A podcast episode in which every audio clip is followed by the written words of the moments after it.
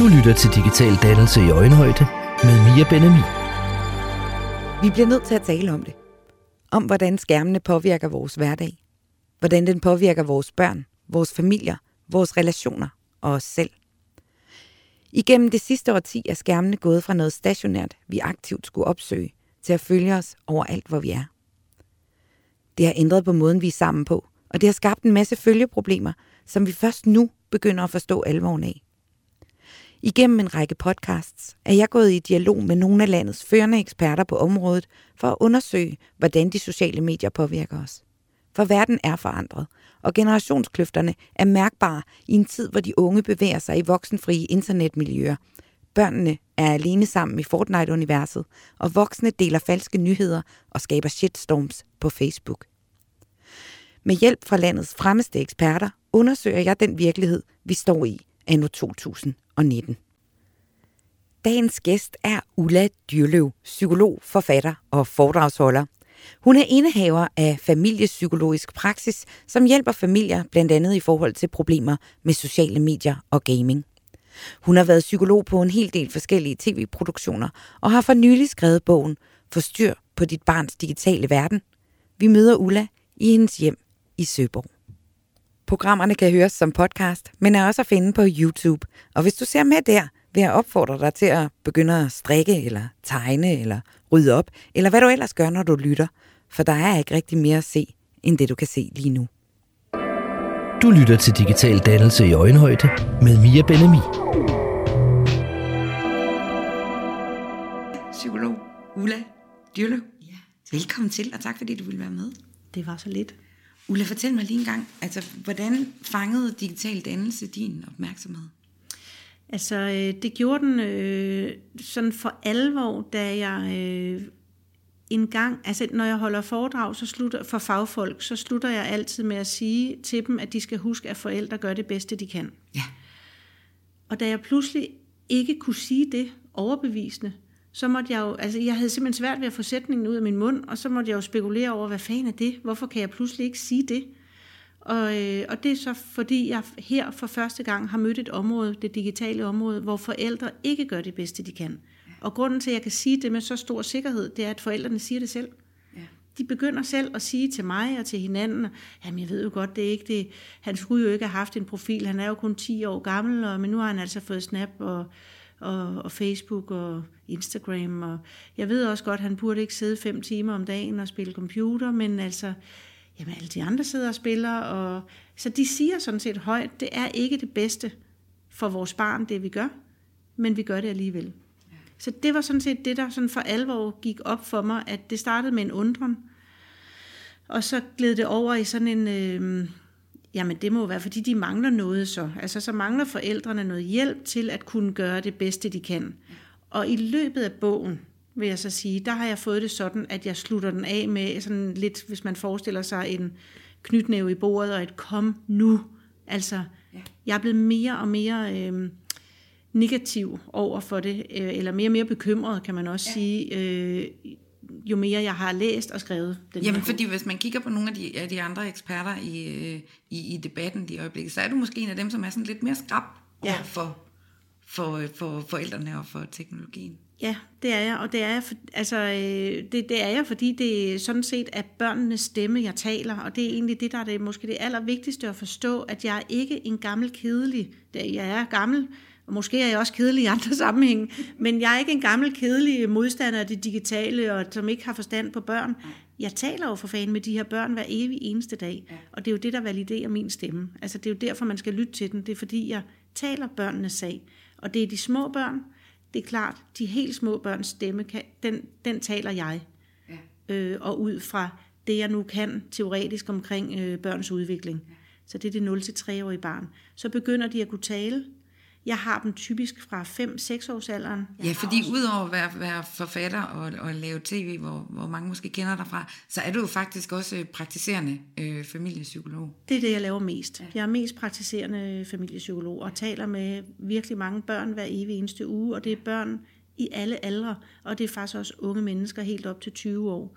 Så, øhm, så jeg, jeg, jeg, og det er dem alle sammen, der sådan set fortæller mig, fordi altså, jeg er jo så blevet nysgerrig på, når nu forældrene siger, jamen det, det gør ham glad at sidde med den her, eller det er, den, det er det eneste, hun har lyst til, det er bare at sidde der på YouTube, og du ved, det er også der vennerne er, ja. og så sidder de der og har det sammen, og, og de er jo så også lidt sammen, for de er jo sådan virtuelt sammen, og så de har jo det sociale, og sådan. Jeg hører forældrene sige de her historier, ja. tænker, nu må jeg jo så begynde at spørge børnene, hvordan ser det ud fra jeres øjne? Ja. Og hvad siger de her børn og unge, du møder? De siger mange ting, men de siger blandt andet, at deres forældre er mere på. De siger, at forældrene ofte laver regler mm. om, at nu skal vi også lægge det her væk, og det vil børnene gerne. Ja. Men så er det faktisk forældrene, der bryder reglerne. Ja.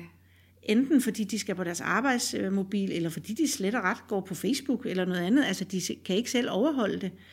Øh, de fortæller mig om fraværende forældre, og det kan jo både være det digitale, de er fraværende i, men det kan også være arbejdet og stress, og altså de er mentalt fraværende, uden at have, det, uden at have en telefon i næsen, ja. eller næsen i en telefon. Øhm, så de siger tit, at de savner deres forældre, selvom de er sammen med dem. Ja, for vi har jo aldrig været mere sammen med vores børn, end vi Nej, er nu. Og det er det, der er det paradoxale. Ja. Det er, og det er også det, der skal, det er det, man skal ind og forstå som forældre, og også som fagperson måske, at det, som er, der er forældrenes problem nu i dag, det er faktisk, at de er, de er for meget på. Mm. Altså ikke på det, at de er for meget på som forældre. Ja. De tror, at de skal være kigge på deres børn hele tiden. Da jeg havde små børn, ja. der var det meget flot, når vi kom til alle fodboldkampene og så dem og stod og hudede og klappede og gjorde ved. Nu er, man, nu er forældrene der jo til træningerne og, og stå og overvære det for at være rigtig gode forældre. De syr fast lavnskostymerne selv, de bager spældboller, de er, de er simpelthen på som aldrig før. Der er 117 arrangementer i december måned og i juni måned, og man, man øh, kan også let som forældre få en følelse af, at de andre ikke synes, man er en god forælder, at man nærmest sådan svigter sit barn, hvis der er et arrangement, man ikke kommer til. Ja. Øh, og, det, og det er blevet værre også nu med de sociale medier. Ja, fordi altså, man kan sige, at vi presser vel i virkeligheden hinanden på en, på en anden måde. Jeg kan huske fra, fra, fra dengang jeg var gravid og ventede mit barn, at, at jeg skulle ikke på biblioteket for at, øh, at låne en bog om, hvorfor jeg havde det så dårligt, eller mine ben øh, føltes mærkeligt, eller noget. Jeg kunne bare slå det op på nettet, og det gav i hvert fald mig en følelse af, sådan, puha, fordi jeg synes, det var øh, lidt barskt at være gravid og have kvalme hele tiden. Mm. At, at fordi der var det der forum, hvor vi hyldede graviditeten, så kunne jeg faktisk komme til at føle mig helt forkert. Ja. Og er det måske i virkeligheden det, som, som, som vi pålægger hinanden ved hele tiden at vise det perfekte billede? Ja, det er i hvert fald kommet på som en ekstra faktor, og som sådan en faktor, der påvirker fuldstændig som reklamer påvirker os. Mm. Så selvom vi godt ved, at det her, det er ikke virkelighedens verden, vi kan jo godt regne ud, at øh, der er nok andre end mig, der har halsbrand og synes, det er aldrig nogensinde noget til den blomstrende graviditet, eller der er nok også andre end mig, der har en øh, indadvendte brystvorte, så det er en kamp og arme, eller det kan vi godt regne ud, mm. når vi sidder og reflekterer over det og tænker os om. Men det, men det påvirker os på samme måde som reklamer. Vi ser alle de her billeder af den idylliske lille familie derhjemme, hvor, hvor der er styr på alting, og hvor de hverken har indadvendte brystvorter, og amningen kører, og vasketøjet er i bund, og ja. alle de her ting. Altså ammestuen er blevet et, et, et lidt for pænt sted på nettet. Ja. ja. Så det, det er i hvert fald et sted, hvor man går ind, hvor forældre går ind, og, og især kvinder, men, men mænd er jo også ved at komme godt med, øh, går ind og påvirker hinanden til at tro enten, at altså der er jo det her med at vise det helt perfekte billede, men det nye perfekte er jo så blevet det uperfekte, så man ligesom skal flashe sine store vasketøjsbunker, og øh, at alt gik så skidt. Men bare det, man overhovedet skal flashe det, ja. gør, at det, at det er et pres, ja. yderligere pres, man lægger på sig selv, i stedet for bare at slukke lortet, og ligesom sige, der er ikke noget, jeg skal flashe. Jeg gider faktisk godt lige koncentrere mig om min familie her, ja. og om mig selv, og prøve at få tingene til at hænge sammen.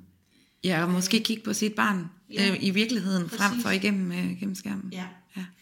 Ja. Så, så, så forældre er meget pressede. De, det er også det samfund, vi lever i. Det er jo sådan en lidt større ting, men vi lever i et, et, et samfund, der presser folk, og hvor man hele tiden skal være det der mega irriterende udtryk, den bedste version af sig selv. Hvad mm. fanden er det for noget? Og nej, selvfølgelig skal vi da ikke. Hvorfor skal vi det? Ja.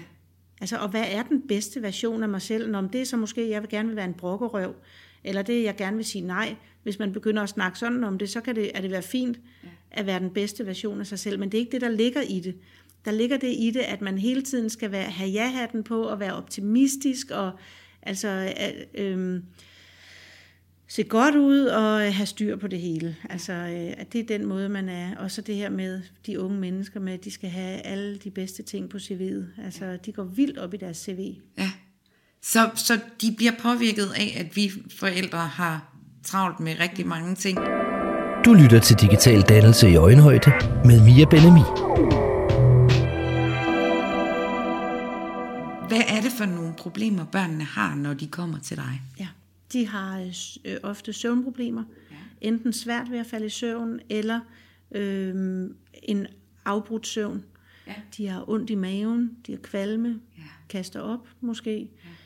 Og øh, så øh, kan de være øh, deprimeret, stresset, angste. Ja. Det kan man sige, det er jo ikke noget nyt i, fordi det er jo det en øh, børn, så det er jo sådan børn har det, når de kommer til psykolog som regel. Altså det er jo fordi, de har nogle, nogle vanskeligheder i en eller anden grad. Ja. Øhm, men, men det, der er, er nyt, er, at der er så mange af dem. Ja, jeg læste nogle tal i din bog. Nu slår jeg det lige op, for det var virkelig nogle, de var så uhyggelige, jeg blev nødt til at skrive dem ned. I 1995, der var der 800 børn og unge i behandling, og i 2015, der er vi oppe på 7.390. Det er jo fuldstændig sindssygt. Ja, det er det. Hvad er der sket? Jamen, der, der er jo, man kan jo ikke tillægge det digitale det hele, men, men det er helt klart noget af det. Mm. Men det er bare ikke det digitale, der er problemet. Ja. Det er forældrenes øh, stressniveau. Altså, ja. det er det, der er problemet. Ja. Fordi det er det, der gør, at de henfalder, mm. hvis der er et ord, der hedder det, til at bruge den digitale sut. Ja. Og det er det, der gør, at de kan ikke overskue konflikter.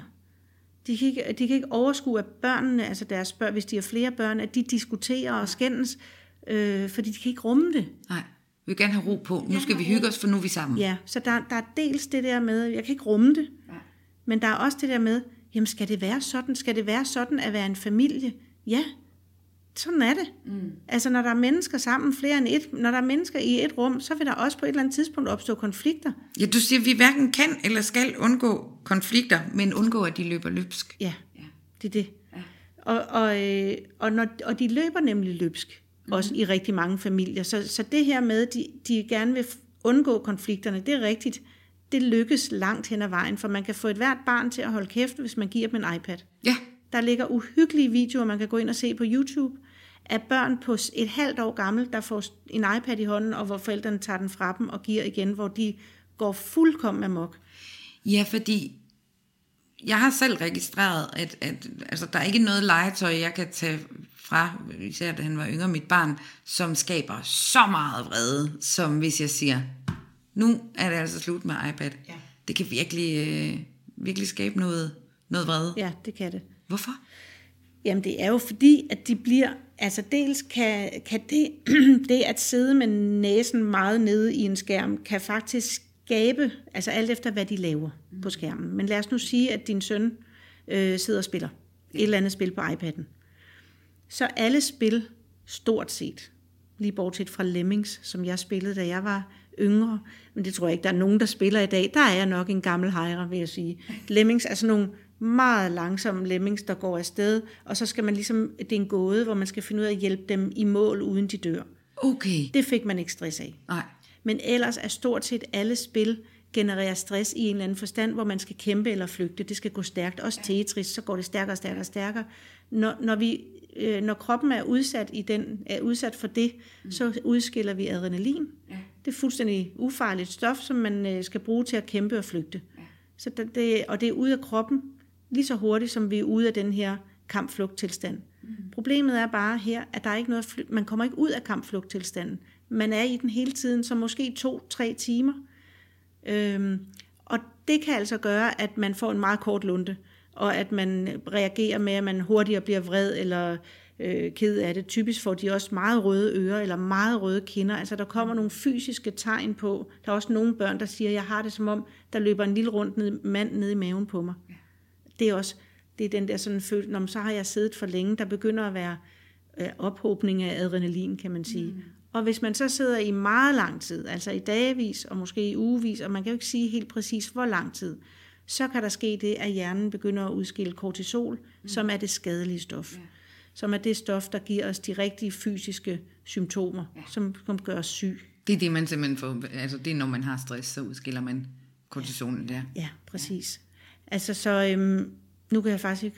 Men har, har børn gjort det hele tiden? Altså, øh, er børn blevet stresset på den måde, eller er det noget nyt? Nej, det er det, der er noget nyt. Ja. Det er faktisk det, der er noget nyt, det er, og at og det er yngre og yngre børn, der kommer ind til os med stress. Så vi bliver ikke stresset på samme måde i, i 80'erne eller nej. i 90'erne, hvor vi ikke havde samme øh, adgang til... Nej. Nej, fordi det man også skal huske er, altså børn, helt små børn, har adgang til nyheder. Mm. De har adgang til porno. Ja. De har adgang til gyser.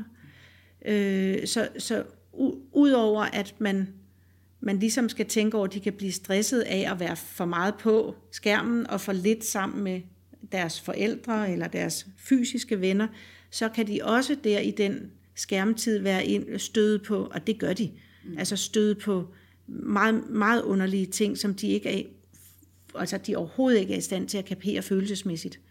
Øh, for det kan vi andre ikke engang. Det kan ja. være meget, meget svært at forklare, øh, at flygtningebørn drukner, øh, fordi at de ikke kan komme ind i nogle lande, eller øh, det her bizarre sex øh, de har været inde at se, eller øh, en kat, der bliver sprættet op og hængt i alle fire poter, som jeg også har været inde at finde, eller Saddam Hussein, der bliver hængt. Andre ting, altså det er jo, øh, det er jo det er jo øh, også ude af vores forst- Altså, vi kan heller ikke begribe det. Nej. Og så skal man, øh, og så det at være et lille barn, der så heller ikke tør fortælle til sine forældre, at de har været inde og se det. Ja, og hvorfor, hvorfor tør de ikke det? Jamen det, altså med, omkring porno, så er det fordi, de er, det er skamfuldt på en eller anden måde. Altså, øh, og, øh, og, og nogle gange handler det måske heller ikke om, at de ikke tør, så handler det om det her med, at de måske ser nogle forældre, der ikke er nærværende, ja. øh, eller som er presset. Og så vil de ikke, altså børn er ret opmærksomme på deres forældre faktisk hele tiden, også selvom de sidder ned med næsen i en skærm i fire timer om dagen. Ja. Så de er meget opmærksomme på, hvordan deres forældre har det.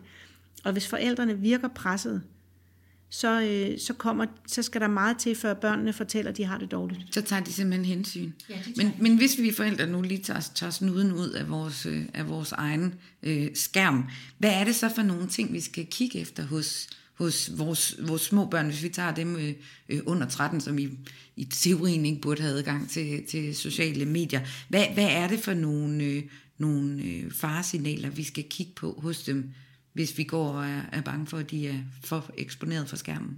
Altså først og fremmest, så skal man holde øje med forandring. Og det kræver jo, at man kender sit barn. Øh, så man lige pludselig, altså man kan se, hvis de begynder at forandre sig. Hvis de, det er jo typisk, at det søvnen, man skal se på. Det vil være der, det... Ej, det første sted, det viser sig, det er, hvis de begynder at få en kortere lunde. Ja. Ligesom det også er hos os andre. Hvis de, øh, sure. de bliver lettere sure, lettere kede af det, eller diskuterer helt vildt og tror, at folk gør noget med vilje, som ikke var med vilje, sådan nogle ting. Øh, så kan det være, øh, det sætter sig på søvnen, de får svært ved at falde i søvn, eller vågner meget i løbet af natten.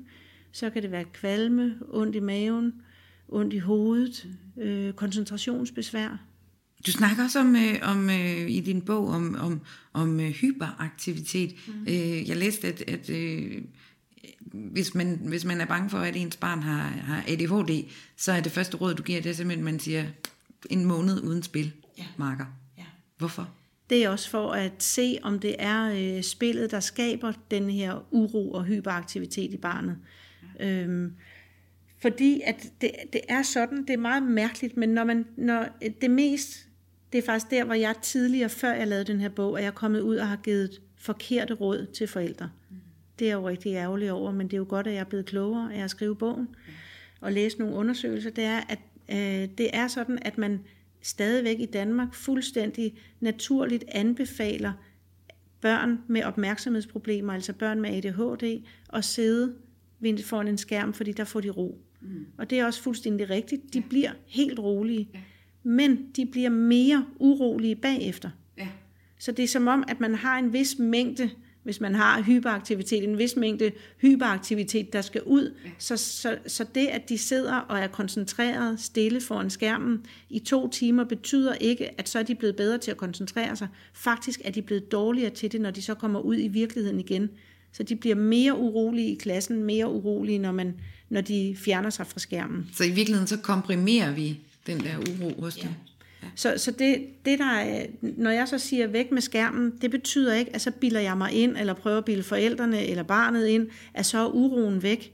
Den er der stadig, men den er ikke lige så uhåndterbar. Altså, og det, der er brug for, når man er hyperaktiv, det er, at man har brug for bevægelse.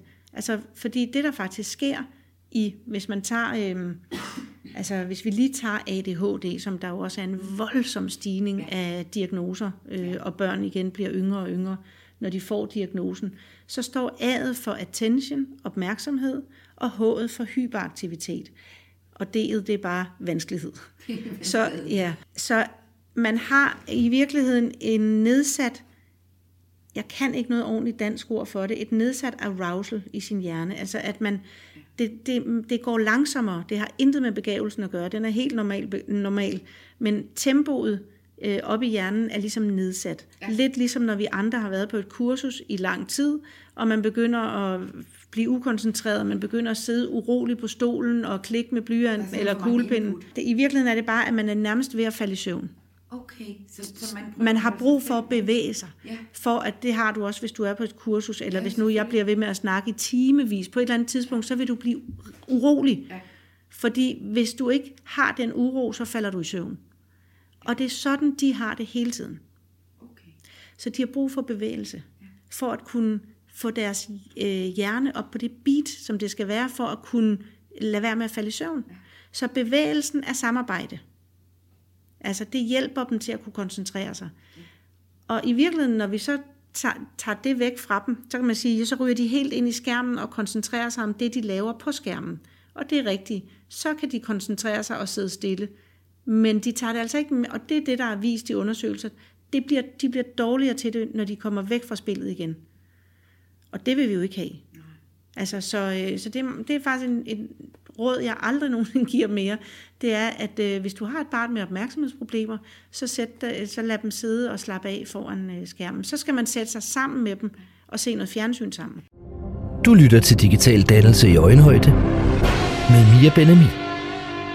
Ja, fordi det, det er jo noget af det, som du sådan ligesom siger, at, at, at altså man kan sige, du, du siger ikke smid skærmen helt væk. Ej, du, du anerkender rent faktisk, at, at den er en del af vores samfund. Vi kan ikke rigtig undgå det. Men så foreslår du, at vi, at vi bruger skærmen sammen, for eksempel. Øh, du opfordrer til det her med, og det, det bliver jeg faktisk enormt glad for, fordi det, det er noget, jeg har brugt øh, skærmen rigtig meget til, det her med at være, være fælles med min søn, om at vise ham musikvideoer fra da jeg var, var, øh, var ung. Og, og øh, du skriver også det her med at, og, øh, at gå på biblioteket og, og finde nogle gode ting sammen. Og, øh, og så snakker du om højtlæsning at, øh, at selvom vi kan få, få iPad'en til at læse højt for vores børn, så skal vi altså huske stadigvæk mm. selv.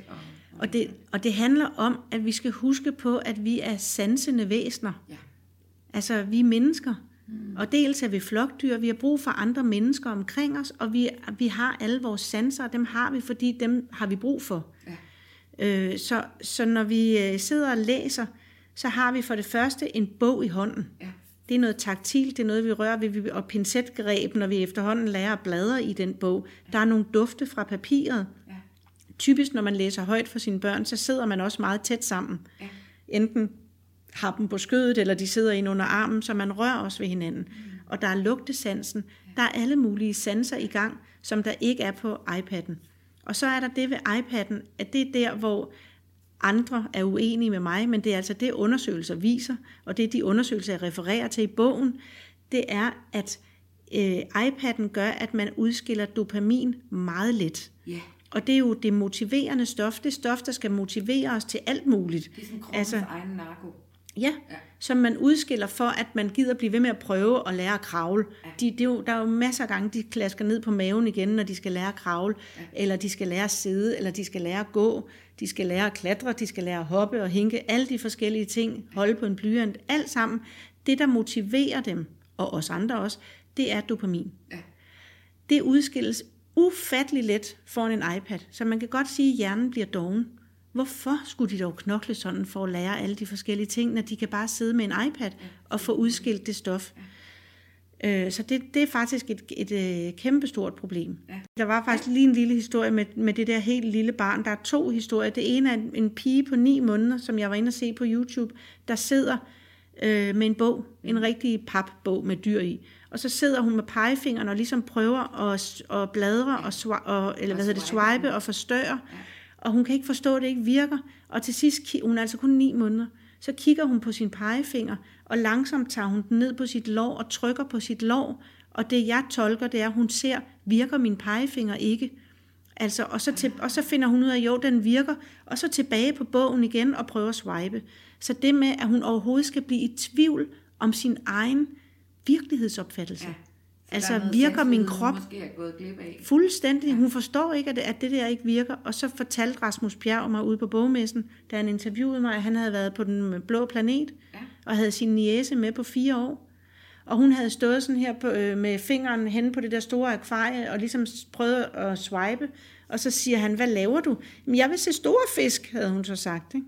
Så det her med at tro, at de ligesom får sådan, nej, det her det er kedeligt, så jeg bruger i min pegefinger og swiper videre til noget næste her. Det, det er selvfølgelig problematisk, så der er mange gode grunde til at læse højt for sit barn, men der er også den, at det dog er lidt mere besværligt, end at sidde med, med en iPad, men der er altså rigtig mange andre gode grunde til det. Ja.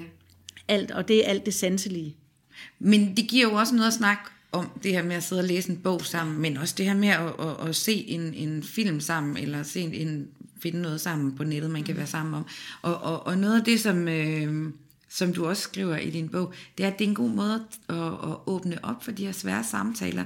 Øh, du foreslår blandt andet, at man sammen med sine, sin teenager får komme til at snakke om sociale medier, ser Skam eller 13 Reasons, øh, som jo begge to har øh, hele den her internetkultur mm. indenover.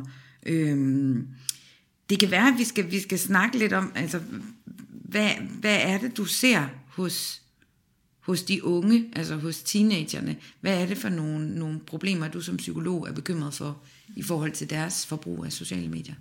Altså, jeg, der, der er faktisk flere ting, jeg er bekymret for. Ja, den ene ting, jeg er bekymret for, det er faktisk også stress. Mm. Øh, og det det samme, som vi ser hos voksne, det her like hunting. Altså, og med hele tiden, at de, de, man ser næsten aldrig unge mennesker i situationer, uden de på en eller anden måde tager selfies, altså at de også fjerner sig fra nuet. Mm. Så det her med at være i nuet, øh, synes jeg er ret problematisk.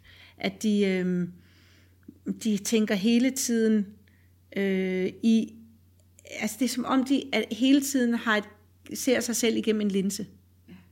Og hele tiden skal kunne øh, fremstille sig selv i den bedste version af sig selv. Altså de her, øh, så, så at det overhovedet er blevet et element i at leve, at, at man skal hele tiden øh, kunne lægge billeder op af det. Og så det er sådan den ene ting, den mest oplagte ting, jeg er bekymret for. Så er det jo også det her med, at øh, det skriver jeg også i bogen, at tidligere var man så glad, når der var fem, der ringede på ens fødselsdag og ønskede tillykke. Ja. Og nu er det sådan småpinligt, hvis man kun har fået 30 lykkeønsninger på Facebook. Ikke? Altså, øh, og det har de unge selvfølgelig også.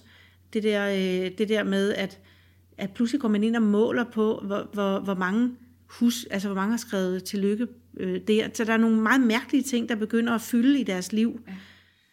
Men, men hvad giver det dem af, sådan, af, af psykiske problemer? Fordi en ting er, at man synes, det er træls. Jamen det, er, altså det største er, at det fjerner dem fra nuet, og det ja. giver altså en form for stress. Altså, ja. Og så giver det jo også, at man har koncentrationsbesvær. Man er svært ved at fordybe sig i, i øh, det, man nu skal læse i gymnasiet, eller hvad søren det nu er, man har gang i, fordi at man sidder og tænker, øh, at man har jeg fået likes, har jeg fået øh, de forskellige ting, så man bliver, det bliver sådan fragmenteret øh, opmærksomhed, man har. Hvis, hvis de godt selv, at det, det er det, der er galt, eller ja. tror de, der er noget andet galt? Nej, de, øh, ja, nogle gange, nej, de fleste gange ved de det godt. Ja. De ved det godt. Og der er også rigtig mange, der gerne vil væk fra det, men som ikke kan. Ja. Altså som simpelthen synes, det er så svært ja. at lægge det væk, men hvor når vi så prøver det, jeg siger, er du frisk på at prøve det i tre uger? Bare tre uger. Mm. Øh, og de går med på det, og det er der rigtig mange, der går med på, så kan de mærke, at de får det bedre, og så, altså jeg har også flere, der går ud og køber en øh, Nokia 3210. Ja. Altså de vil simpelthen væk fra det der. Ja. Øhm, så så de er, det er måske er det ved at vende i det, i det små. Du lytter til Digital Dannelse i Øjenhøjde med Mia Benjamin. Så det er i hvert fald en af tingene. En anden ting, jeg ser, der bekymrer mig, det er de lukkede grupper. Øhm. Offensimentum og den her slags øh, øh, hate-grupper, kan man kalde dem, eller mobbegrupper. Ja, som der er rigtig meget af. Hvordan påvirker det? Øh, fordi så vidt jeg kunne forstå på det hele, så tilføjer de jo hinanden til de her grupper, så man får vel lidt indtryk af, at det er noget, alle mine venner er en del af. Ja. Det påvirker, altså det påvirker øh, alle på den måde. Det skal man vide som forældre og som lærer og som pædagog, at alle børn har en iboende nu skræk for at blive øh, lagt ud på, altså at blive filmet og blive smidt ud på de sociale medier. Ja. Der ligger simpelthen sådan en, en, en, en frygt for at blive ydmyget Ja. offentligt. Ja. ja. Så de går egentlig rundt med en følelse af, som hvis vi konstant bliver overvåget. Det er rigtig ubehageligt. Hvis du forestiller dig, at du går på toilet, selv på toilet, og det er der, de er meget bange for det. Ikke? Blandt andet, fordi så kan der lige blive filmet, eller der kan lige, og når de bliver lidt ældre, De der skoletoiletter, hvor ja, hvor der lige er åben op for oven. Ikke? Ja, De var skrækindjagende nok i 80'erne, synes jeg. ja præcis. At der lige pludselig kunne... Ja. Men, men, men nu øh, kan det rent faktisk blive, blive delt også. Ja. Så de går rundt alle sammen med sådan en skræk for det, for at blive øh, udstillet. Og det er, jo, det er jo selvfølgelig rigtig ubehageligt. Og så er der mange, det er så især drenge, jeg snakker med i de her lukkede grupper, som øh, bliver tilføjet, og som ikke kan lide at lade være at lade sig til. Altså, de kan ikke lide at sige nej til det. Nej, for Fordi så er de nogle tøsdrenge, eller en bøsserøv, eller hvad der ellers bliver sagt. Eller, ja, og, nej, de bruger, bare de brugte det ord. Øh, de bruger ikke ordet lyseslukker, det er andre ord, og, og mange gange siger de ikke noget. Så er det måden, man ligesom bare bliver udskammet eller ignoreret, øh, så, er man ikke noget, så er man ikke noget værd, så er der en masse andet, man måske også bliver udelukket fra. Mm. Øh, så, så, så det er i hvert fald også et, der er, gruppepres er et enormt problem. Men, men i min tid som lærer, der oplevede jeg tit, hvis man konfronterede de unge med det her, sådan, ej, tror du ikke, synes du ikke, det var lidt tavligt lagt ud, det der billede, at jamen, det var bare for sjov, ikke også? Øh, øh, og vi har jo også en, en, en satire-tradition, hvor man blandt andet i natholdet sidder og, og, og kan grine af folk, som er med i Godmorgen Danmark, som ser skøre ud, eller, eller, eller gør noget sjovt. Har, har vi selv været med til at skabe den her kultur i virkeligheden? Øh, vi voksne, eller er det fordi, vi har vejledt dem dårligt, eller altså, hvor, hvor er det gået galt? Altså, jeg, jeg tror faktisk, at der, hvor det mest af alt er gået galt, og det er der, hvor jeg, øh, jeg tror ikke rigtig, folk tager det alvorligt, når jeg siger det, øh, det er, at vi, vi selv tager billeder af vores børn og lægger ud. Altså det her med, at man ikke respekterer, at man, man skal ikke bare tage billeder af sine børn og lægge op på øh, sociale medier, uden at spørge om lov. Fordi på den måde er det første skridt i hvert fald til at sløre nogle grænser Ja. for at øh, det skulle da ikke okay. Bare at tage et billede, øh, og, og så siger folk, jamen hvad så med mit lille barn? Så siger jeg, jamen altså, øh, så lad være, eller nøjes med at gøre det til barnets fødselsdag, eller når du fejrer, altså lad være at lægge en hel masse billeder op til måske find et billede, som du bliver ved med at lægge op, når det er fødselsdag, hvis du gerne vil ligesom sige til alle dine venner, nu er ham her blevet 8 år, og her var han kun 14 dage, eller hvad det nu er. Så man ikke øhm, flasher hele barnets opvækst på de sociale medier. Det finder barnet jo ud af på et eller andet tidspunkt. Jo, jeg, altså jeg har været ude for i mit feed, at der har ligget billeder af, af, børn, der har kastet op ud over sig selv, eller altså, ja, altså små børn godt nok, ja. men, men Eller børn, der går helt amok ja. derhjemme, som jo så, øh, det er jo så noget det, jeg også ser på YouTube, når jeg skriver den her bog, ja. hvor jeg også nogle gange tænker, de stakkels børn, der er blevet delt øh, en million gange, ja. øh, de er jo blevet udstillet.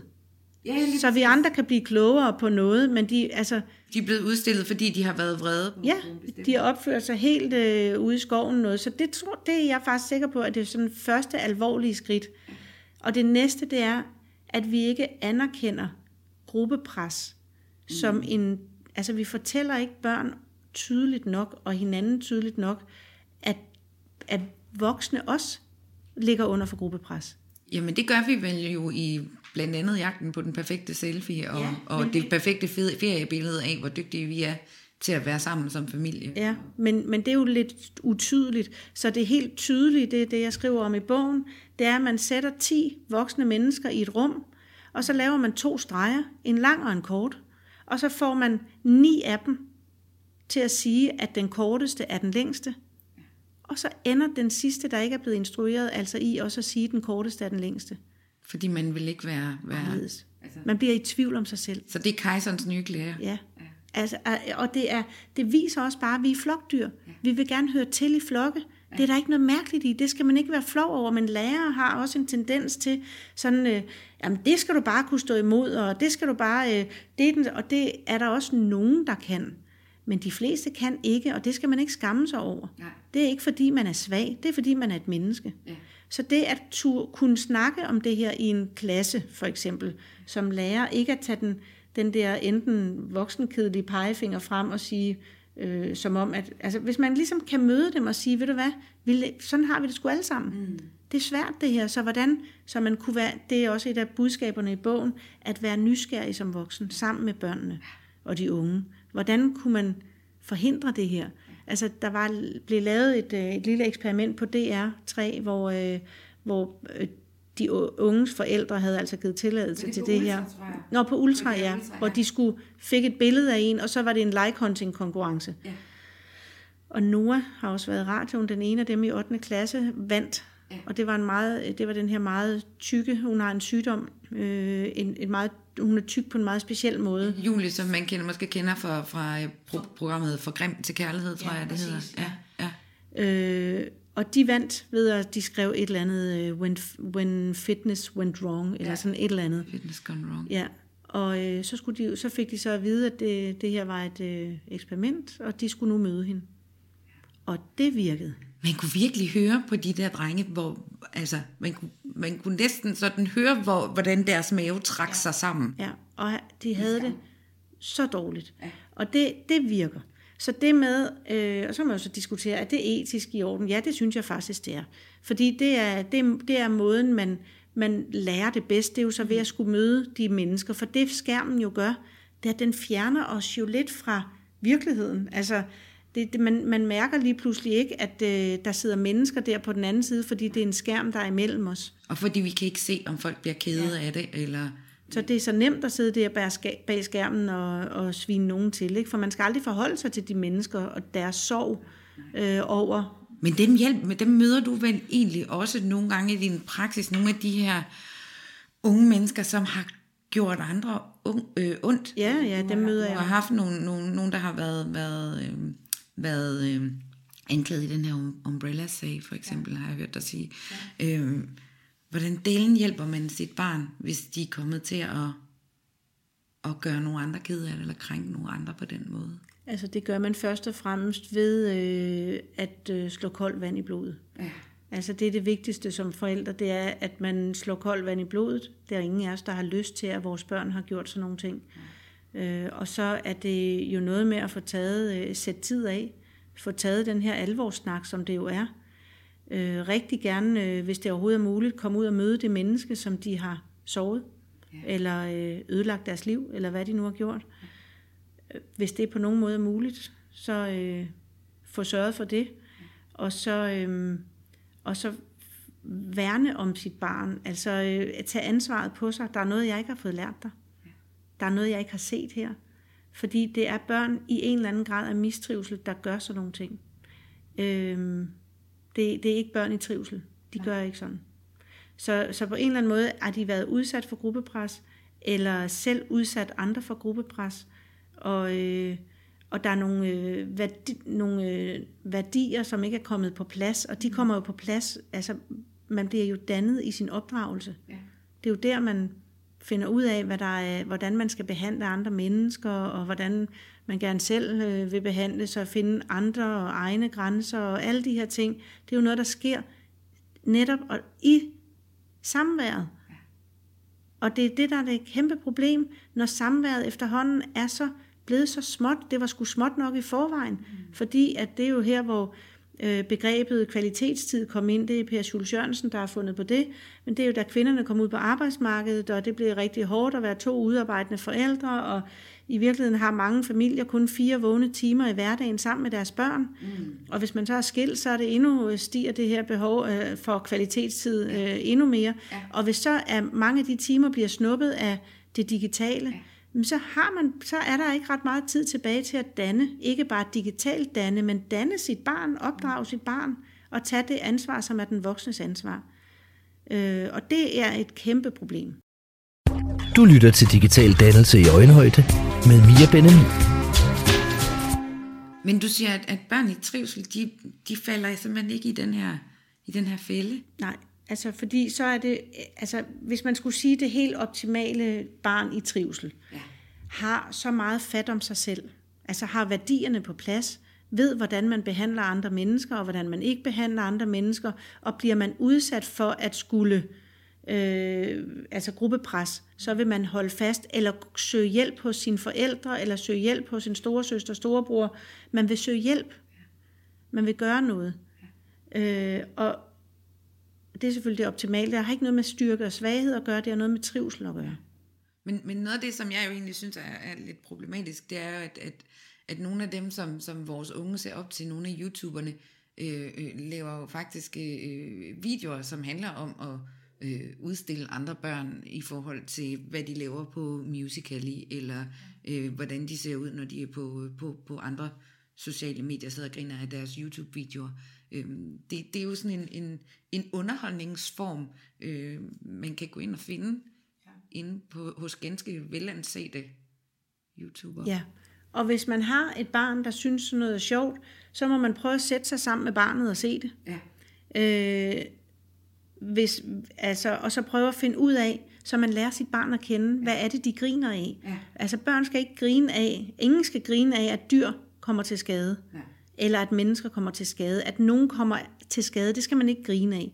Og at nogen øh, bliver drillet eller mobbet eller øh, noget andet, det er, ikke, det er ikke noget, man skal grine af. Nej. Så er man ikke et ordentligt menneske. Der er en empati, der skal arbejdes Ja, på. ja.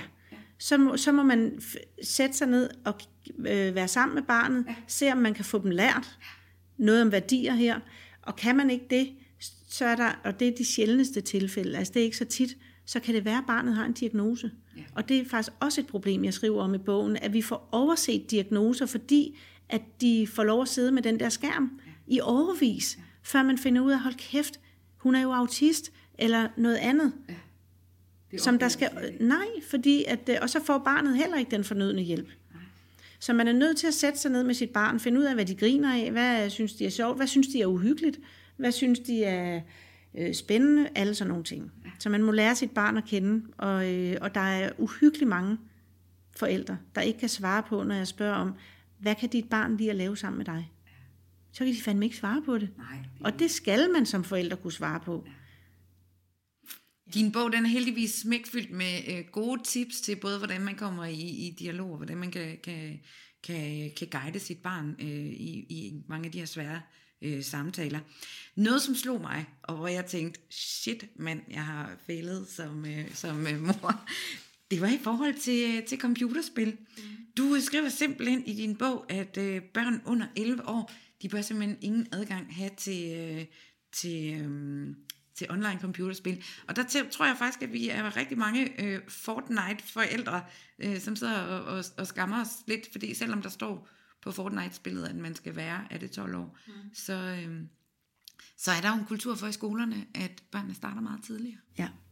Altså min helt store anke, det er, at øh, det ligger meget tidligere end de 11 år. Ja. Det ligger faktisk der, at der er rigtig mange børn, som er øh, gerne vil, som inviterer deres forældre indenfor. De vil gerne forklare om det her, øh, de nu har gang i, om det er en film eller et øh, offline-spil, de spiller. Øh, og forældrene overgår ikke at høre på det, fordi det er så detaljeret. Ja. Altså de fortæller om det i halvanden time. Lige så længe en film varer, lige så længe kan et barn, lille barn fortælle om det spil. Så forældrene siger nej tak til en invitation, de får igennem lang tid. Mm. Øh, det er den ene ting. Den anden ting er, at det skal være forældrene, der, der introducerer spil til børnene, og ikke omvendt. Ja. Og det er det, der er det store problem sådan set. Der er intet problem med offline-spil. Nej. Det er en vigtig ting at sige, og der findes rigtig mange gode, sjove spil. Ja. Øh, Heroes og øh, Lysrøde Panter, og altså, nu er det længe siden, jeg har haft små børn, så øh, jeg kan ikke det til de små børn. Minecraft er vel i virkeligheden også et... et Det er jo både over for online, så man kan spille det begge måder, så man kan bare... Problemet er internettet. Ja. Så hvis man, det, der kan man det er ikke spillene. Nej. Nej, for man har jo også hørt skrækhistorier om forældre, der har fået altså, ribbet deres dankort, fordi ungerne er investeret i, i de her skins, ja. man kan få til, til, til Fortnite, og det kan være dyrt for en familie. Og det er fuldstændig rigtigt, når børnene så siger, "Men jeg har ikke, jeg har ikke gjort det. Det er helt rigtigt. Ja. Fordi en gang har man tastet det ind, så har den det, og så tror de bare, de det er lavet, som om de køber øh, penge, sådan nogle spilpenge. Ja. De aner ikke, de bruger de penge her. Første gang, så er det klart, så ved de det godt dernæst. øhm, så, så det der, ja, det, man skal forstå, at der findes så mange gode computerspil. og der er intet galt med dem. Det, der er problemet, det er, at det er online, og de sidder der alene, og at det er børnene, der finder dem, og ikke forældrene, der finder dem til børnene. Så, så man skal, det, det er for let som forældre bare at læne sig tilbage og sige, Nå, nu spiller de noget, der hedder Fortnite. Jeg ved ikke rigtig, hvad det er for noget. Nej, så sæt dig ned og find ud af det. Men dit barn vil også gerne vise dig det. Men så kommer forældrene så to-tre år senere, og så vil de gerne vide det hele. Og der siger du, så er det for sent. Ja, det, det vil man se i nogle fjernsynsprogrammer, jeg kommer med om ikke så længe. Ja. Øh, Det er måske i gang, når vi sender det. ja, ja, det er også derfor, det var dumt at sige. Jamen, det gør det, så meget. det, så er det, nej, det er ikke for sent, fordi jeg tror faktisk på, at det aldrig er for sent. Ja. Men så er det virkelig svært. Så skal man gøre sig umage som, for, som forældre for at blive taget til noget. Men, ja, det skal man, og man kan ikke, altså, man skal tænke over, hvis man er mor, og man har en søn, så omkring 13-årsalderen, så er man doomed rent fysisk. Fordi så skubber de dig bare væk og låser døren, og så kan du simpelthen øh, hoppe i havet -agtigt. Så, øh, så man skal have gjort det her, øh, man skal have skabt de gode vaner, og man skal have gjort sig fortjent til respekt, øh, så de faktisk gider høre på, hvad vi har at sige. Øhm, og jeg var i Politikens Hus og blev interviewet om bogen her. Og der var altså tre-fire børn med, og de kom virkelig med nogle gode spørgsmål. Ja. Altså, de ville gerne vide, hvad er det, det gør ved vores hjerner? Altså, de sad og spillede Fortnite, og de lyttede til den der forklaring, og de vil gerne høre det, hvis det er hvis det ikke er det, jeg kalder voksenkedeligt, eller sådan, og det er det moraliserende, og hvis ikke man erk- anerkender og siger højt, vi har selv et problem. Ja. Vi er selv fuldstændig afhængige, og jamen, dagen går bare med, så har man lige været på YouTube, eller så har man lige noget andet. Ti- Timerne går, dagene går. Øh, så hvis man ligesom kan gå til dem på en måde og sige, det er et problem, vi alle sammen har her.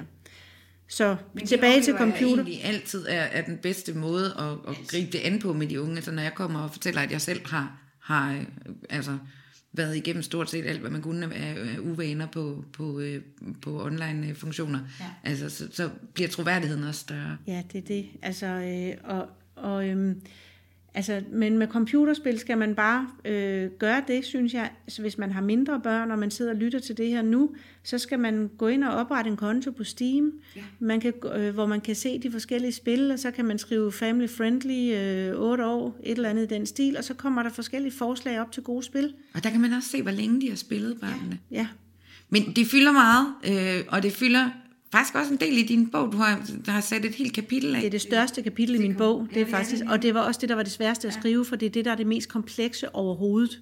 Jamen, og så går du faktisk også ind og skriver om noget, som, som, som, som, som hvor jeg først tænkte sådan lidt, Nå, hvad nu det? Men, men som jeg faktisk synes var enormt vigtigt. Du går ind og giver særligt gode råd til, hvis man er en skilsmissefamilie, mm. øh, eller hvis man er en, en, en nysammensat øh, øh, familie. Det skaber jo nogle, nogle særlige øh, problematikker, det her med, at, at der kan være forskellige regler, alt efter hvor man er. Ja, og det er sådan set det samme, øh, øh, det er den samme øh, hvad hedder, anbefaling, jeg kommer med, som jeg også kommer med om alt andet. Mm. Børn kan godt klare forskelligheder. Mm. Øh, det har de ikke, altså de ved godt, at med, og det kan de også i ikke-skilte.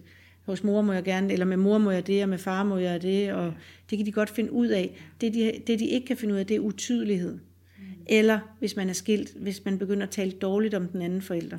Ja, men det kan godt være, at du må spille over hos far i fire timer, men det må du altså ikke her. Nu er der andre boller på suppen. Så har man øh, lige hated Man far skal ikke der. gøre den anden forkert. Nej, den anden det skal man ikke. Forkert. Og man skal så vidt muligt forsøge at få ens regler og retningslinjer omkring det digitale, hvis det overhovedet kan lade sig gøre. Og kan det ikke det, så må man bare sørge for, at man gør det på den måde hjemme hos sig selv, som man mener er den rigtige måde at gøre det på. Ja. Du lytter til Digital Dannelse i Øjenhøjde med Mia Benami. Noget, øh, noget andet, som også fylder lidt i, i, i bogen, og på nettet, mm. i hvert fald på nettet, det er porno. Ja. Åh, ja, hvordan for, hvornår skal man snakke med sine børn om, om, øh, om porno? Hvornår skal man begynde at advare mod, mod det? Altså, jeg ved ikke, om man skal begynde at advare. Jeg tror bare, man skal fortælle dem øh, omkring øh, 7-8 års alderen, at øh, der findes rigtig mange ting på YouTube. Ja. Og på Wikipedia, altså på øh, Google. Ja.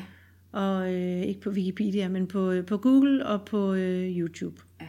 Og så få snakket med dem om, at øh, de ikke bare skal gå ind altså, øh, og se alt muligt, alle ting, og de heller ikke skal gå hen, og hvis der er nogen, der siger, ej, prøv lige at se her, den her video her, at så skal de ikke bare se den, de skal spørge, hvad er det? Ja.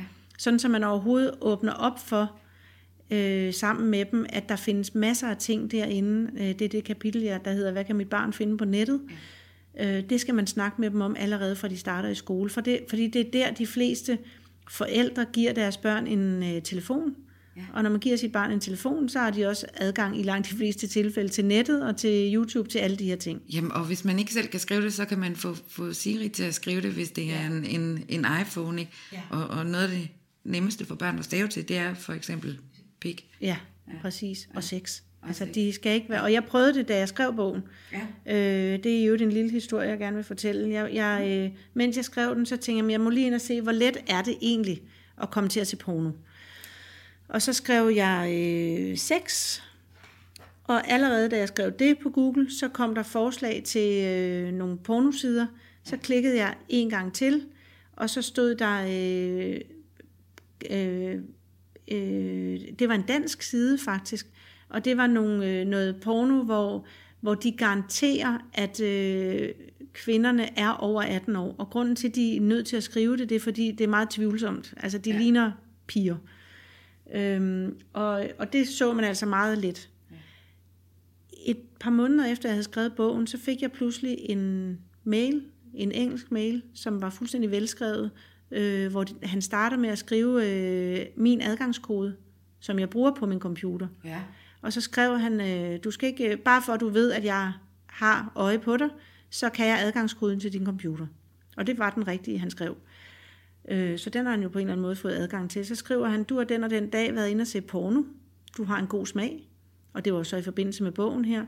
Jeg har øh, videooptagelser af dig, for det, i det øjeblik, du gik ind og så det her porno, så begyndte dit øh, tastatur at virke som en fjernbetjening, og jeg har optagelserne af dig. Og det var jo så her, min uro stoppede, mm. i hvert fald for det, fordi jeg vidste, at jeg sad jo med alt mit tøj på, og læste din bog, og brillerne ned over næsen, og jeg havde ikke siddet, nej. Men hvis man er et barn, altså, og, når, og det han troede med, hvis ikke han fik det her beløb penge, ja. det var, at han ville sende det ud til alle i min inbox, altså i min mail. Altså, og der er jo den der tv-serie, der hedder øh, Black Mirrors, som mm. man kan se på Netflix, hvor det faktisk er et af afsnittene, det her med, at man, man afpresser nogen for at have været inde og se noget. Øh, ja. Ja. Og hvis man er et barn, ja. på 10 år ja. og har været inde og se porno, og ja. pludselig får sådan en besked af på en eller anden måde. Ja, så bliver man så bange. Fuldstændig. For det ting, så det kan man jo... for at vide, at jeg... Ja. Uh. Ja. Så det kan man jo fortælle. Ja. Altså det er jo vigtigt, at man ikke får, at de skyld og skam mm. og dårlig samvittighed, det skal der aldrig være. Mm. Så man er nødt til at snakke med dem om, at det her findes. Ja. Øh, og, øh, Men allerede når de er 8, 7, 8 år? Ja, din dreng har set noget porno. Det kan jeg love dig for. Ja. Ja. Er han ikke 8? Nej, han er kun 7 Nej, så ja, det sker der ved 7-8 års alderen, og de ved ikke nødvendigvis, hvad det er. Nej. De ved heller ikke nødvendigvis, det hedder porno. Ja. Nej, men, men noget dejlig far, så det kan være, at jeg skal ja, ja, noget ulækker sex, eller noget, og problemet er, hvis man ikke får snakket med dem om det, det er sådan set ikke, porno er jo også, altså det, kan, det, det er jo ikke det, vi skal diskutere her, men jeg bryder mig ikke om det kvindesyn, der er i Nej. det. Øh, men, men det er klart, man skal ikke skamme sig, hvis man synes, det er lækkert at se porno. Det er der jo en hel del, der synes. Problemet er at mange gange, at de ikke ved, hvad virkeligheden er. De ved godt, at porno ikke er virkelighed, men de ved ikke, hvad virkeligheden er. Så de begynder at tro, at øh, når mor siger sådan nogle lyde, hvis de så hører et eller andet, så tror de måske, at mor er udsat for det der, som de nu har set. Mm. Og så vil de pludselig ind og sove mellem mor og far hver evig eneste nat, for at sikre sig, at hun ikke bliver udsat for det her. Så der, altså, der er man jo nødt til at fortælle børnene, at når, at det ikke nok med, at det ikke er virkelighed, men så hvad er virkeligheden? Ja. Jamen der kan komme nogle lyde, og det er altså, når mor har det rigtig godt, at der kommer de her lyde og sådan nogle ting, som man synes er akavet. Man kan jo sætte barnet med ryggen til.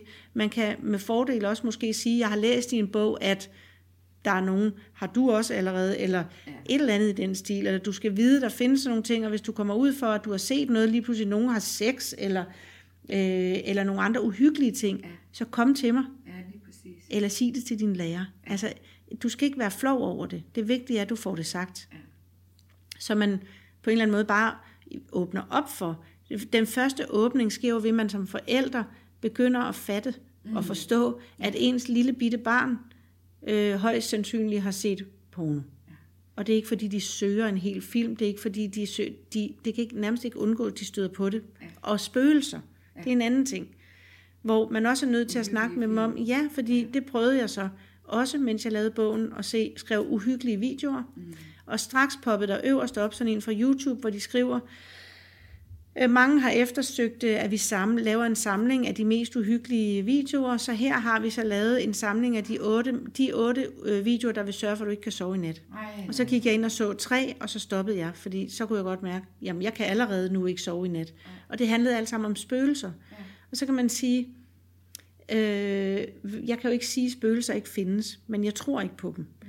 Og det kan jeg fortælle til børn, hvis de altså hvis man snakker med dem om det, men hvis de bliver så angste, så de ikke fortæller, at de har været inde og se det, eller de ved godt, at de ikke måtte se det, og derfor har de ikke sagt det til mor og far, så får man jo ikke den her snak om, Nå, nej, det er nogen, der tror på spøgelser her, og der er også lavet nogle film, men det kan faktisk godt være, at det er et filmtrik. Ja. Det kan godt være, at der er nogen, der har sat et kamera der, fordi hvem fans skulle ellers komme og åbne døren. Og, ja, altså, lige havde klippet. Eller sådan. Præcis, altså at man lige får den snak, og selvfølgelig ja. må man altid starte med at sige, jeg ved ikke, om spøgelser findes, Nej. men jeg tror ikke på dem. Fordi og så kan man komme med sine forklaringer, og sådan, sådan, sådan så de i hvert fald møder en anden virkelighed end kun det der med, at de ser en masse film, og det er altså filmoptagelser af spøgelseshistorier. Ja. Og det er jo mega uhyggeligt. Ja. Ja, mega uhyggeligt. Det er også for mig i hvert fald. Ja, også for mig. Ja. Altså, jeg er heller ikke så meget til, til uhyggelige film. Ja. Øh, men, men det kører jo meget, altså meget af det kriminelle, som, som foregår på, på, på internettet, handler jo også om det her med, med, med skam, og, og, og man kan sige, nu vi lige snakket om porno også, altså hævnporno, mm. det er jo simpelthen øh, noget af det, af det værste, man kan blive udsat for. Ja. Øhm, hvordan får man, får man snakket med sine børn om den her delekultur? Altså igen har jeg sagt ja, det før, på det. Ja, at man ser på sig selv som sit barns vigtigste rollemodel, ja. at man ikke selv, og at man, man oplærer dem i, at man spørger om lov, når man deler videoer ja. og, og deler øh, billeder. Ja. Sådan, så man ikke bare går og deler af hinanden. Øh, det er jo i hvert fald en, øh, den, den allernemmeste og, og det første, man skal gøre. Øh, og så skal man jo snakke med sine børn om, om, hvordan det føles at blive udsat for sådan nogle ting her, hvad det gør ved mennesker. Ja. Måske se øh, alt efter alderen. Altså Emma Holten har jo været meget ude, som hun har så trukket sig nu, for jeg tror alt det med medier blev for meget. Ja. Men, du, men det startede med den dokumentar, der hed øh, Skam dig Emma, ja, hvor, hun, hvor hun fortæller om, hvordan, hvordan den egentlig startede det her med, at, at der var nogen, der havde, havde hacket nogle billeder fra hendes computer. Ja som simpelthen var ude over alt.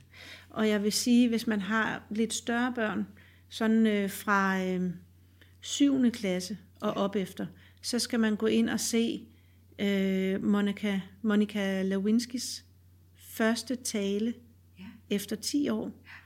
Hun var udsat for, øh, hun var nok den første, der blev udsat for... Øh, Slut-shaming, er det ikke det, vi kalder det? Ja, ja. worldwide i løbet af ja. ingen tid, ja. så vidste hele verden, altså øh, allermest intime detaljer om hende. Ja. Og øh, hun, gik, hun var meget tæt på at begå selvmord, op ja. til flere gange. Og øh, hun gik helt ned med fladet og helt under jorden i 10 år. Ja. Det er altså lang tid. Men det må også være frygteligt, det der med, at hele verden ja. tænker, hov, det er hende, der har puttet en mm. cigar, cigar op i... Ja. Og det, og hun var 21 år. Ikke? Ja. Og det, der fik hende til at komme frem, frontalhjernelapperne har jo først lige samlet sig for hende på ja. det her tidspunkt i hendes liv. Præcis. Og det, der fik hende til at stå frem, det var faktisk, at der var en tredje ung fyr, der havde taget livet af sig i USA, fordi at han, der var, han var homoseksuel, og så var der en af, af en fyr, der lagde an på ham, og de kyssede, mens de blev filmet af nogle andre, for det var aftalt spil. Og så fjernede han sig fra ham, og sådan, fy for helvede, troede du virkelig, jeg var øh, gad at være sammen med sådan en klam en som dig, og det blev filmet og lagt op, og han tog livet af sig. Og det var nummer tre inden for kort tid i USA, der havde taget livet af sig en homoseksuel. Altså lavede man simpelthen sådan en prank, der gik ja. ud på... At, at få ham til at tro, ja. Ej, var det frygteligt. Helt frygteligt. Og det fik hende til at stå frem og holde en fuldkommen fantastisk tale. Ja. Og det er den første, hun holder, man skal gå ind og se sammen med sig. Jamen, ja, nu sidder jeg og tænker på den, og jeg får helt, helt sådan, øh, det er så hårene rejser sig på mig. Det er virkelig... Hun er, hun er helt fabelagtig til at forklare, hvad var det, det gjorde ved hende? Ja. Hvad er det, det gør ved andre? Og hvis man ser den og, sammen med sit barn, så har man i hvert fald også gjort rigtig meget for at forebygge, at de selv kommer til at gøre sådan nogle ting. Øh, altså lægge ting op. Du lytter til Digital Dannelse i Øjenhøjde med Mia Benami. Fordi det er, altså, det er jo et udtryk for sådan lidt fluernes herreagtigt. Altså det er udtryk for, at der ikke er nogen voksne, der er inde her og snakke med dem om de her ting. Og også fordi de ligesom har ikke sat sig ind i det. De har ikke sat sig ind i børnenes. Det er også derfor, altså, at et, en stor del af, af, af budskabet i bogen her er også, du er nødt til at sætte dig ind i dit barns digitale verden. Ja. Og selvfølgelig i barnets verden i det hele taget. Men det Og siger uden at skamme selv, dem. Uden at skamme dem. Ja. Og forstå, hvad er det, der foregår her? Hvad er det, man kan? I stedet for bare, nej, det er ikke mig, og det kan jeg sandelig ikke finde ud af. Og det skal man kunne. Man kan, fordi det digitale og internet er kommet for at blive. Det har også ført rigtig mange gode ting med sig. Det har godt nok også ført meget møg med sig. Men det, det forsvinder ikke igen. Så man bliver nødt til som forældre at forholde sig til det. Nu begynder der selvfølgelig at komme børn, som vokser op. Altså, min yngste, han er 19. Og når han får børn, så er han jo rimelig meget vokset op med det. Men der kommer så bare hele tiden nye ting til, som de så ikke forstår. Altså, men så, ja, så det bliver lidt spændende at se, om de bliver bedre, end vi har været øh, til at forstå det her, eller om der bare kommer så meget nyt hele tiden, så voksne altid vil være lidt hægtet af, hvis ikke de tager sig voldsomt sammen. Ja. Jamen altså, fordi inden vi, inden vi fik, øh, fik tændt for, øh, for optage udstyret her, så fortalte jeg dig om, om, om, øh, om det her billede, som jeg har brugt til digital dannelse i, i øjenhøjde, hvor jeg sidder og, og, og ammer mit daværende øh, nyfødte barn, mens jeg sad og kiggede øh, ned i min iPhone, mm. hvor jeg siger, jeg tænker umiddelbart, at det her billede om 10 år er, er sådan et billede, som som kommer til at, jeg kommer til at synes er lige så frygteligt, øh, som hvis jeg sad og røg inde i bilen med ham. Øh, det synes jeg faktisk allerede nu, men, men, men så, så positiv er du ikke nødvendigvis stemt.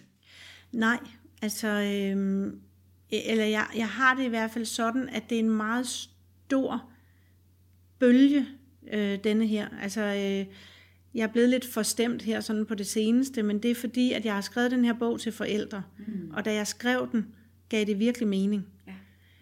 Men øh, lige nu går det op for mig, at øh, rigtig mange skoler udleverer en iPad til børnene i 0. klasse.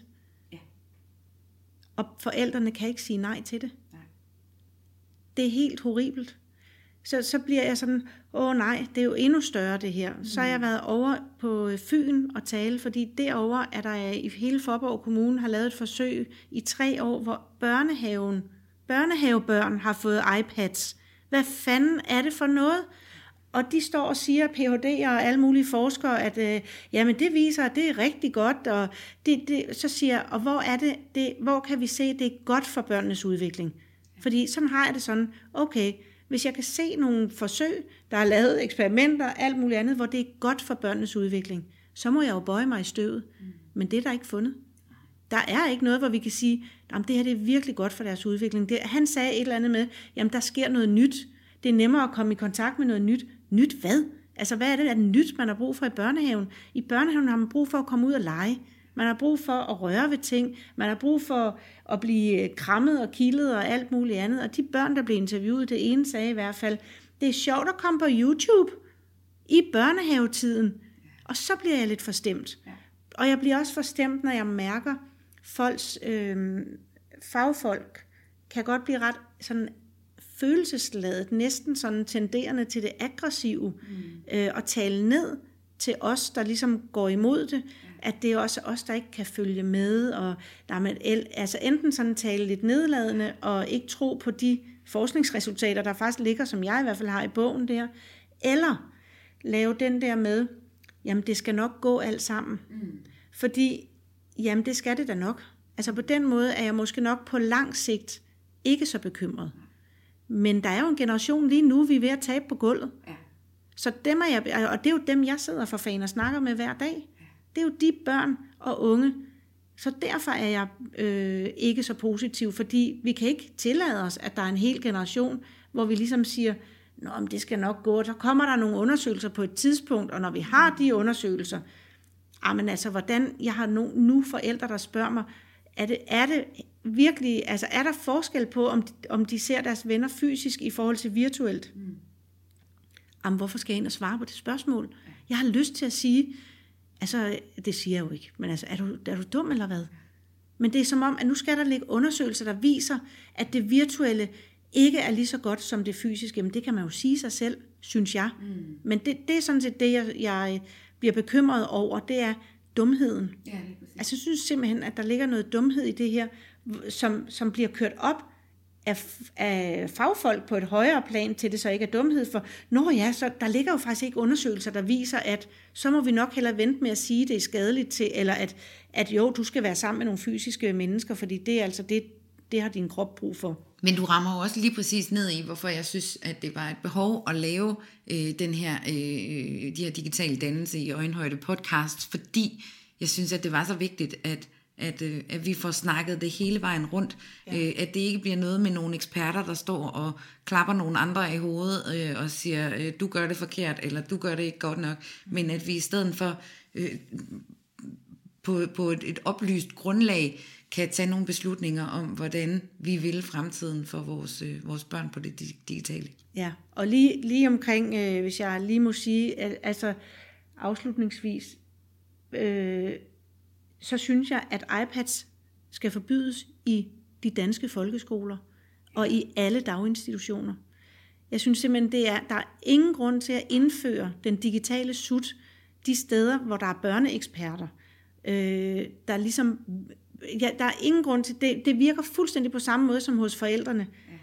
Ja. Øh, så er det lige let, men sæt dig bare spil, hvis du er færdig med dine matematikopgaver, og nej, I må gerne bare lige sætte jer hen og spille, fordi et eller andet.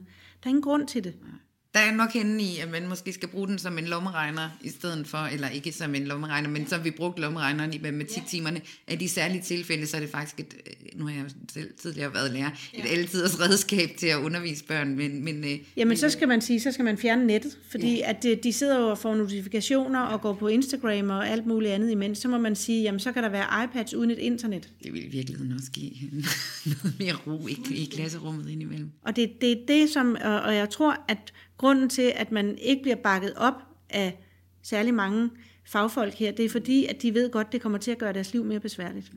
Ja. Ulla, hvordan fremtiden øh, bliver, det, øh, det kan vi ikke sidde og spå om her, desværre. Men hvis man gerne vil sætte sig lidt mere ind i dine tanker omkring det her, hvor kan man så, øh, hvor kan man så finde dig henne? Altså, øh, man kan finde mig på, øh, på mit navn, hvis man øh, har adgang til internettet. Så kan man skrive Ulla Dyrlev, og så kommer der øh, to hjemmesider frem. Og den ene hjemmeside, det er til min praksis, og den anden hjemmeside, det er til foredrag og tv-arbejde og forfatterarbejde, jeg laver. Så, øh, så kunne man jo måske øh, booke mig til et foredrag ja. og høre lidt mere om det. Og man kan også gå ned på biblioteket og låne den her helt fantastiske bog, der hedder Få styr på dit barns digitale verden. Ulla, tusind tak, fordi du har skrevet bogen, og fordi du øh, taler børnenes sag. Øh, og tak, fordi du ville være med her i dag. Ja, selv tak, og mange tak, fordi at, øh, du havde lyst til at høre på mig. Podcasten er støttet af Bibliotekarforbundet og er optaget og redigeret af Helle Ansholm. Du lytter til Digital Dannelse i Øjenhøjde med Mia Benami.